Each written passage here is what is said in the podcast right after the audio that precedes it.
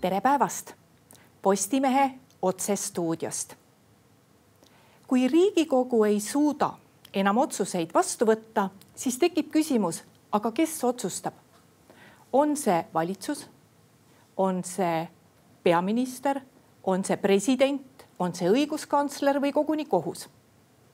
meil on stuudios endine õiguskantsler Allar Jõks, tere päevast. tere päevast Allar Jõks, millise pilguga teie vaatate seda, mis praegu Riigikogus toimub ja kas meil on demokraatiakriis?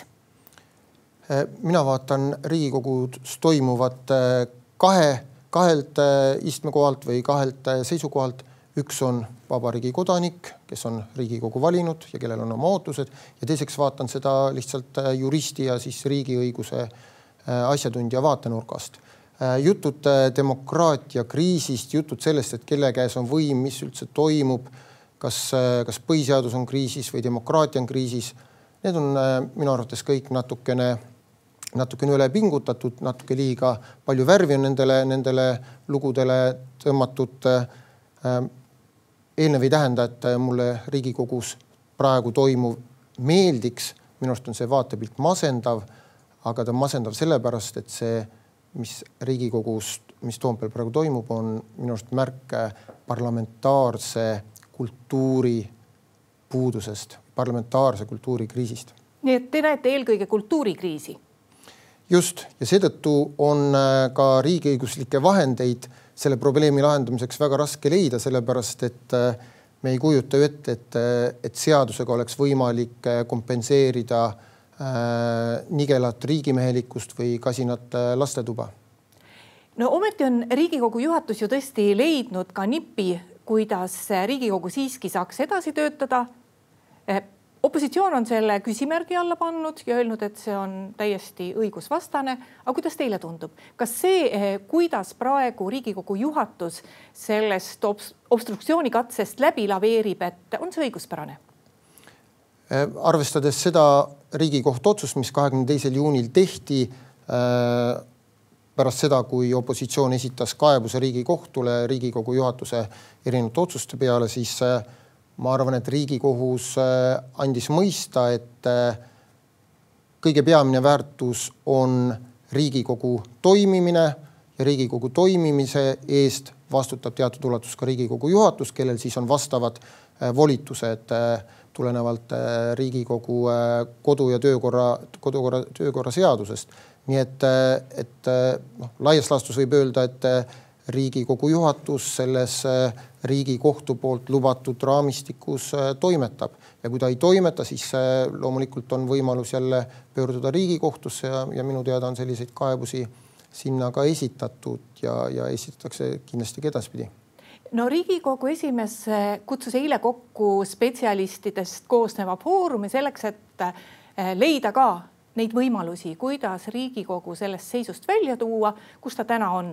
ma tean, et eh, paljudelt inimestelt ja paljudelt spetsialistidel küsiti ettepanekuid juba ette, et millised teie ettepanekud olid, need ettepanekud, mis te juba ette esitasite sinna, et kuidas sellest olukorrast välja tulla? minul oli kolm ettepanekut, aga nagu ma alguses ütlesin, siis äh, poliitilist kultuuritust ei ole võimalik eh, seadustega ravida. aga ma alustasin sellest, et eh, ma tegelikult jagasin selle probleemi kaheks.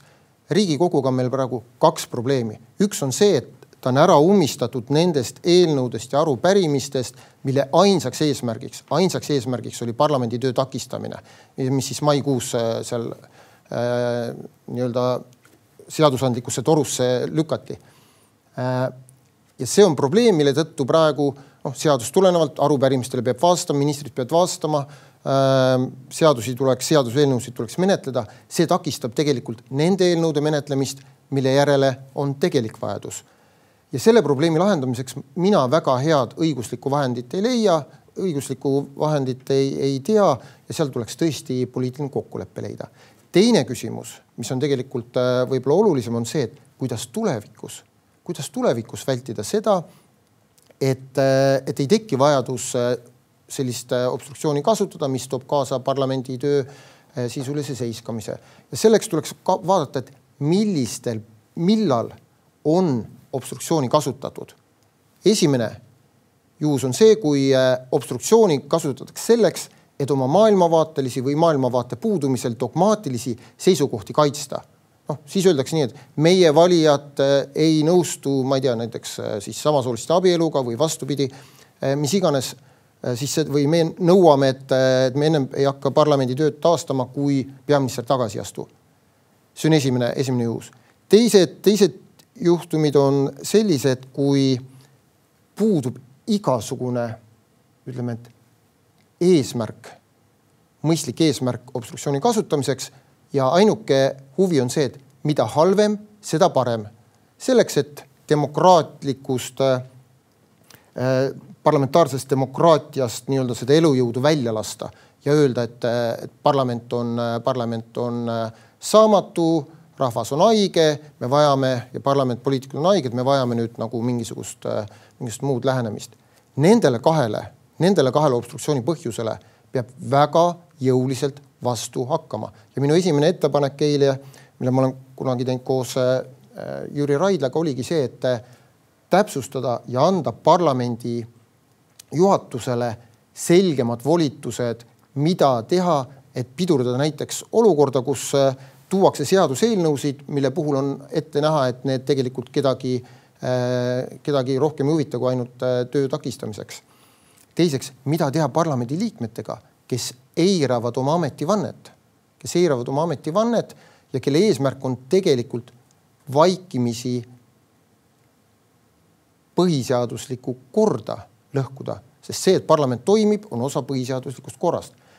et, äh, et nendele kahele põhjusele kindlasti äh, noh, mingit õigustust ei ole sellise obstruktsiooni jaoks. küll on aga kolmas juhus, kus mina, olles kakskümmend, natuke rohkem aastat äh, parlamendi tööd lähemalt, kaugemalt näinud, ütlen, et äh, obstruktsioon võib olla põhjendatud ja see on see, kui parlament või vabandust, valitsuskoalitsioon lükkab läbi parlamendi turbomenetlusel kõikvõimalikke kiireid eelnõusid, mille puhul ei ole eelnõu mõjusid analüüsitud, ei ole kaasatud, ei ole, ei ole vaadatud, kas see on kooskõlas põhiseadusega ja nii edasi ja nii edasi. ja selles patus, selles halvas õigusloomes või pahelises õigusloomes on osalised olnud tegelikult kõik praegu parlamendis olnud erakonnad. ja sellisel juhul ma ütleks äh, kodanikuna, et ega midagi muud teha ei olegi, kui parlamendi nii-öelda seda turbokiirust tuleks natuke maha võtta.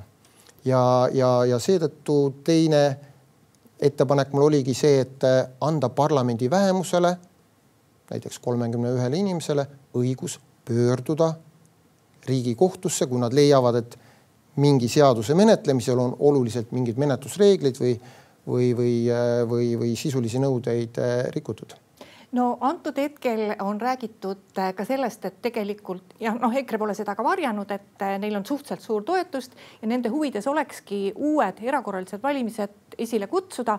aga kui lihtne on seda teha, et kui, äh, millised on võimalused ühel erakonnal ikkagi survestada parlamenti läbi eelarve vastuvõtmise erakorralistele valimistele? teoreetiliselt on see võimalus olemas, aga erakorralisi valimisi on tänu jumalale väga raske esile kutsuda. noh, teoreetiliselt on see võimalik, me teame, põhiseadus näeb ette, et kui esimeseks märtsiks ei ole riigieelarvet vastu võetud, siis tulevad erakorralised valimised. aga, aga see, et üks erakond äh, on selle eesmärgi endale võtnud, äh, see ei anna nagu alust arvata või noh, mul, mul ei ole seda kahtlust, et, et, et see neil, see neil õnnestuks. Et noh, et seda no ei pea kartma, et kui kogu aeg tuleb keegi võimule, kellele valimistulemus ei meeldi, et siis me satumegi tsüklisse, et iga kord, kui me jõuame riigieelarveni, siis seda vastu ei võeta ja järjest tulevadki erakorralised valimised ja erakorralised valimised ja jälle uuesti ja ütleme nii, et äh, võib-olla noorematel inimestel võib see praegune olukord tunduda erakordne ja täiesti uskumatu, aga, aga kes äh, mäletavad üheksakümnendaid aastaid, tegelikult kogu aeg on noh, teatud äh, periooditi olnud nii, et tuleb selline olukord Riigikogus, kus kõik mõtlevad, no hullemaks enam minna ei saa. ma olen ise seda noh, eelmistes ametites ka läbi elanud. aga tuleb, tuleb välja, et saab ikka hullemaks. nii et, et ma arvan, et see, mida me praegu näeme, ei ole veel, ei ole veel jäämäe, jäämäe, jäämäe tipp. sest tuleb arvestada, et kõik see, mis toimub meie Riigikogus, ütleme see ühe opositsioonierakonna nii-öelda taktika, see tegelikult, see tegelikult ju noh, me näeme seda praegu paljudes ja oleme näinud teistes, teistes Euroopa liikmesriikides ka ja oleme näinud ka, milleni see viib Eh, no väga halvaks praktikaks peetakse eh, võimuliidu seda praktikat, kus ta, kuna midagi muud ei jää üle, eh, võtab üha rohkem eelnõusid vastu usaldushääletusega ja praegu on noh, suur võimalus on õhus, et kui eelarve puhul obstruktsiooni kasutatakse väga tugevalt, et siis võetakse ka eelarve usaldushääletusega vastu ja noh, ka need eelnõud, mis eelarvega siis veel kaasnevad. kui keerulisse olukorda paneb see näiteks Vabariigi Presidendi kes eh, tõenäoliselt ei saaks päris rahulikult pealt vaadata, eh, kui, kui parlamentaarset arutelu nii olulise aasta kõige tähtsama dokumendiga, nagu on eelarve on, ei toimu ja et see läheb lihtsalt usaldusega. ma alustaks natuke kaugemalt ja selgitaks, et miks on see väga ohtlik, kui usaldushääletust kuritarvitatakse, julgen seda sõna kasutada, sellepärast et Riigikohus ütles ka, et eh, parlamentaarset demokraatiat ohustab nii piirideta obstruktsioon kui ka Äh, vastutustundetult tihe usaldushääletusega sidumine. selle probleemiks on see, et äh, usaldushääletusega sidumisel tegelikult ei toimu mingisugust arutelu, ei ole võimalik tuua välja eelnõu puudusi. noh, tänane Postimees väga ilusti on, on kirjeldanud, kuidas äh, ühte haldustrahvi seadust, nii-öelda konkurentsiseaduse muudatust menetletakse turbokiirusel olukorras, kus on viissada lehekülge materjale kui see nüüd läheks nii-öelda usaldushääletusega sidumisele, see tähendab seda, et seal võib nii palju probleeme jääda sisse, mida siis, äh, mida meie tarbijatena näiteks maksame kinni, kui meie noh, ettevõtjad sinna nii-öelda hammasrataste vahele jäävad. ja seetõttu ma arvan, et äh, vabariigi president äh, härra äh, Karis kahekümne seitsmendal juunil äh,, kui ta kaheksa seadust, mis oli usaldushääletusega seotud välja kuulutas, siis ta väga õigustatult ütles, et ma kahtlen, kas see on põhiseadusega kooskõlas, ma olen põhiseaduse valvur ja Vabariigi Valitsus ei tohi siduda usaldushääletusega eelnõusid põhjusel, et tal on väga kiire. ehk minu hinnang on see, et äh, vabariigi või minu, mu lootus on see, et vabariigi president kasutab seda võimu, mis tal on ja jätab mõne seaduse välja kuulutamata, juhul kui see seotakse jälle usaldushääletusega. Sellepärast, et vastasel juhul me seda ringi tegelikult ei peata. ja selle parlamendi tupikseisul on kaks osapoolt. üks on koalitsioon, kes on toonud kiiresti eelnõusid, sidunud neid usaldushääletusega ja noh, loomulikult teisel pool on opositsioon, kes on ka väga oluliselt oma õigusi kuritarvitanud no mõneti on sattunud ka vabariigi president löögi alla, sest äh, öeldakse, et president ei tohi pooli valida. Et president ei tohiks sekkuda. Siim Kallas siin just äsja Maalehele antud intervjuus ütles, et on väga halb, et Alar Karis on valinud poole. kas te tunnete, et meie praegune president on valinud poole? kas president, äh, no kui, kui keeruline on presidendil üldse juhtida tähelepanu olulistele asjadele, sest kui see tähelepanu juhtimine ei meeldi, siis on alati tunne, et president on valinud poole Siim Kallasega ma olen seekord nõus. president on valinud poole, aga ma ütleks niimoodi, et president on valinud poole, milleks teda kohustab põhiseadus. president on valinud põhiseaduse poole. kui keegi tahab siin rääkida sellest, et president valib sellis, sellises olukorras nüüd opositsiooni või koalitsiooni poole, siis see on täiesti vastutustundetu ja see on oma kasust lähtuvad hinnangud ja seda ei tohiks karta. õiguskantsler Ülle Madise äh, on äh, erinevad, erinevaid poliitilisi algatusi, kui need ei vasta põhiseadusele, väga selgelt, julgelt kritiseerinud, aga ta ei vali pooli. ma võin omast kogemusest öelda, et ka mina olen kritiseerinud õiguskantslerina kõiki parlamendis esindatud erakondi, sõltuvalt sellest, et täna võimulolijad on homme opositsioonis ja täpselt, täpselt samamoodi äh, saab ka president oma tööd teha ainult siis, kui ta, kui ta on julge ja, ja, ja, ja, ja seab eesmärgiks äh, põhiseaduse, sest kõige, kõige naeruväärsem on tegelikult minu arvates see, kuidas kas koalitsioon või opositsioon ütleb, et aga meil on valijate mandaat, meil on valijate mandaat seda teha või meil on valijate mandaat seda teha. aga kõik Riigikogu liikmed on andnud vande, ametivande. ametivandes nad ütlevad, et me jääme ustavaks Eesti Vabariigile ja põhiseaduslikule korrale. Seal ei ole kusagil kirjas, et me jääme ustavaks oma valijatele.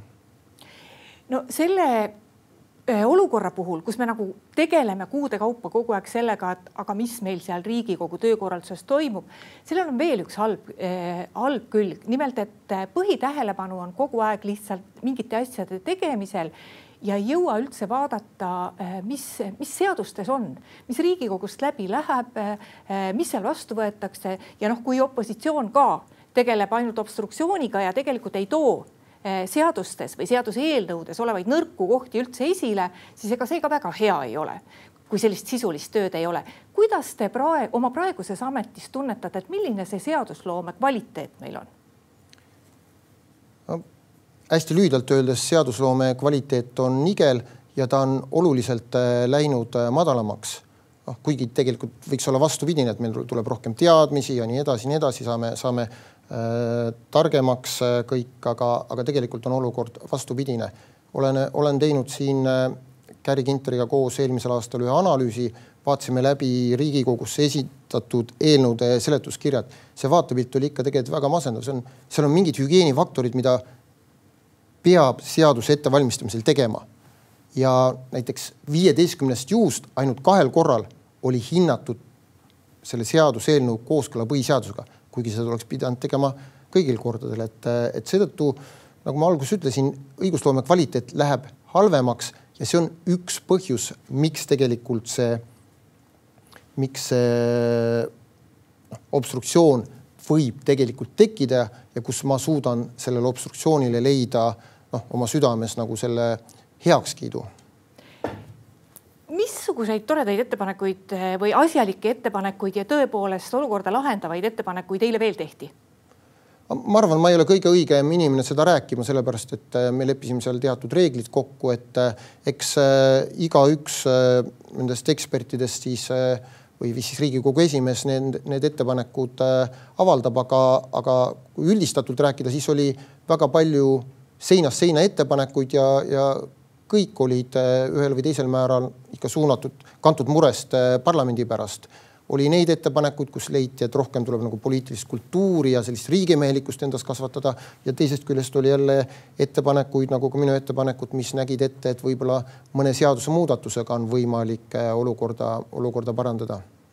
mis te prognoosite, Allar Jõks, et kas meil selle Riigikogu ajal võiks üldse tulla noh, jättes selle kõrvale, et noh, see poliitiline kultuur on ikkagi nii, nagu ta on ja eks kõik, kes on saalis, peavad seda, selle välja kannatama, isegi need, kellele see ei meeldi. aga et kas meil selle mingisugunegi töörahu või normaalne töörütm võiks taastuda ja millal?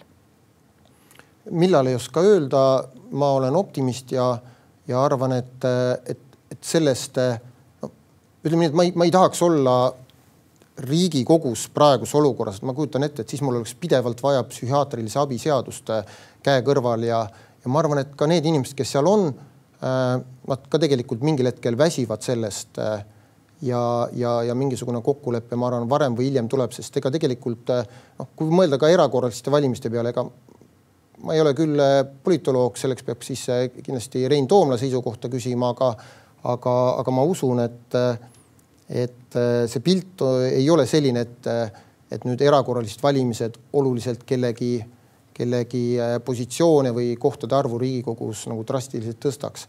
pigem, pigem see, ma arvan, et ei ole kellegi huvides, nii et, et kusagil see kokkulepe võiks olla. Allar Jõks, aitäh tulemast saatesse. ja aitäh ka kõigile neile, kes meid vaatasid.